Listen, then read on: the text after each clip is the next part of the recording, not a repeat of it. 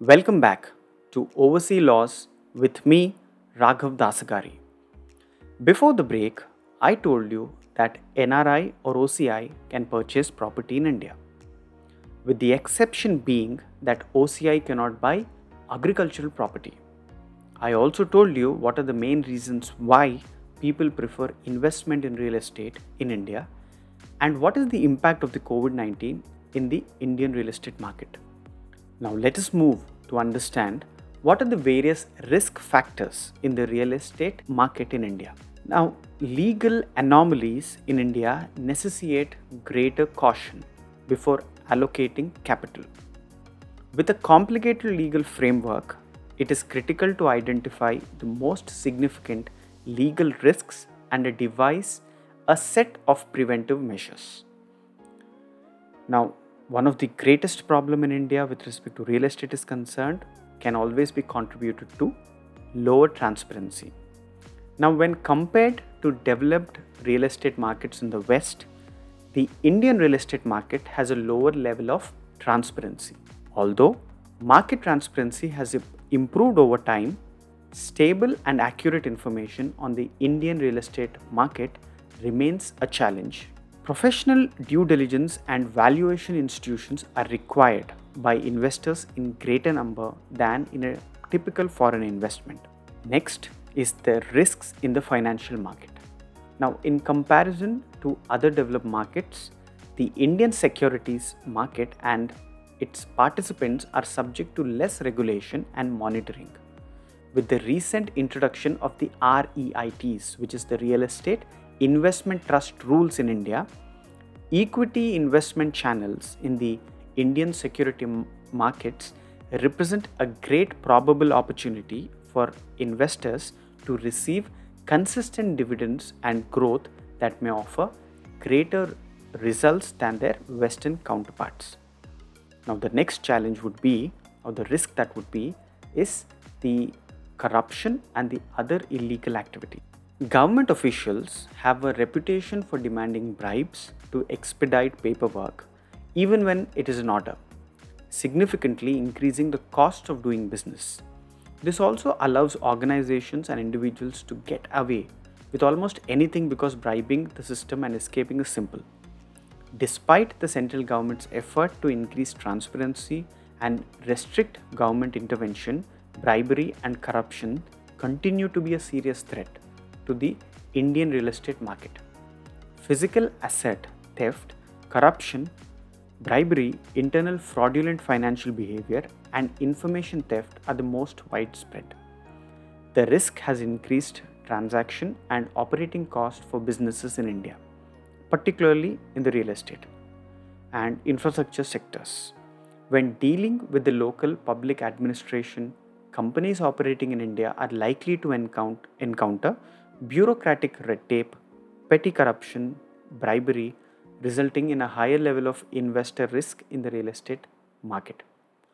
Now, the next risk probability could be the requirements for financial reporting. Indian laws governing corporate shareholders' limited liability and officers and directors' fiduciary duties do not protect investors from many possible risks. This means that foreign investors may be held liable during the bankruptcy process. Third party auditing and additional financial certainty are required prior to making an investment decision to avoid governance issues. As a result of the scarcity of verifiable information, the risk is increased. Now, next could be attributed to the m- macroeconomic risks. Interest rate, inflation, and exchange rate risks remain significant, despite significant decreases in vol- volatility in these indicators in recent years because India imports a large portion of its oil from global markets. Global oil prices have a significant impact on its economy. India is dealing with pressing issues such as illiteracy and unemployment. Now, having told you about the risks involved, now let us focus our energy towards what are the different ways how to mitigate this risks are concerned. The real estate industry, like the finance finance industry, has always been associated with risks. The major challenge is determining the associated investment risk, particularly in the rapidly changing real estate industry. The primary reason for this is that there is no standard unit of risk assessment in real estate, making it difficult to compare with different investment options. Diversification and correlation. While determining the risk of a real estate investment is difficult, there are a few solutions that can assist in determining the overall risk. One of the most important ways to do is to apply the concept of correlation and diversification. Diversification is a concept that has been around for a while and reduces risk by allocating investments across multiple properties. The goal is to maximize returns by investing in various units that respond differently to the same event. It has evolved into an important component of real estate investors' financial strategy. Correlation, on the other hand, is at the heart of any real estate investment and management. This aspect refers to how transactions are linked to one another. Choosing investment opportunities that are not related or correlated in terms of the type of property or geographical location can eventually help to diversify risk exposure. The occurrence of macroeconomic events, I, as I already told you, is unforeseeable and has a significant impact. In such unpredictability, a diverse real estate portfolio can help provide better balance from an investment standpoint. If you choose the diversification route, even if some of your properties will suffer, such as maybe if your property is rented out to a hotel, some assets will perform better, such as a medical building or lab or so on, even if your hotel property doesn't do well. Now, this could eventually assist you in balancing your portfolio and providing consistent returns. The other mitigating factor could be location and s- survey the property. Now, when it comes to real estate, location is everything. Several factors, particularly in the case of residential property, such as road accessibility, public transportation, distance to neighboring cities, and infrastructure developments, among others, come into play. A thorough examination of the property aids in gaining a better understanding of its potential as well as liabilities. Customers should use RERA to review the property and seek legal counsel through, throughout the buying process to ensure greater transparency. The next is review the returns of previous investors. Now, if there is the option to review a set of historical transaction data this information must be considered before buying a property. Even though real estate is market driven, this data is likely to provide some useful information about property demand, rental yields, pricing, etc. Next is thorough investigation of the title of the property. Always remember, when purchasing property, the only thing that will not change in the long run is the title. So it is critical to investigate the title through a reputed lawyer or a legal firm. This is especially true in the case of secondary sales. Title issues are extremely time consuming and costly to resolve. Look out for any charges, unpaid dues that the seller or the broker may have hidden in the property documents and sale agreements. Also, be aware and understand the market dynamics. It is crucial to understand the dynamics of the property in which one intends to invest.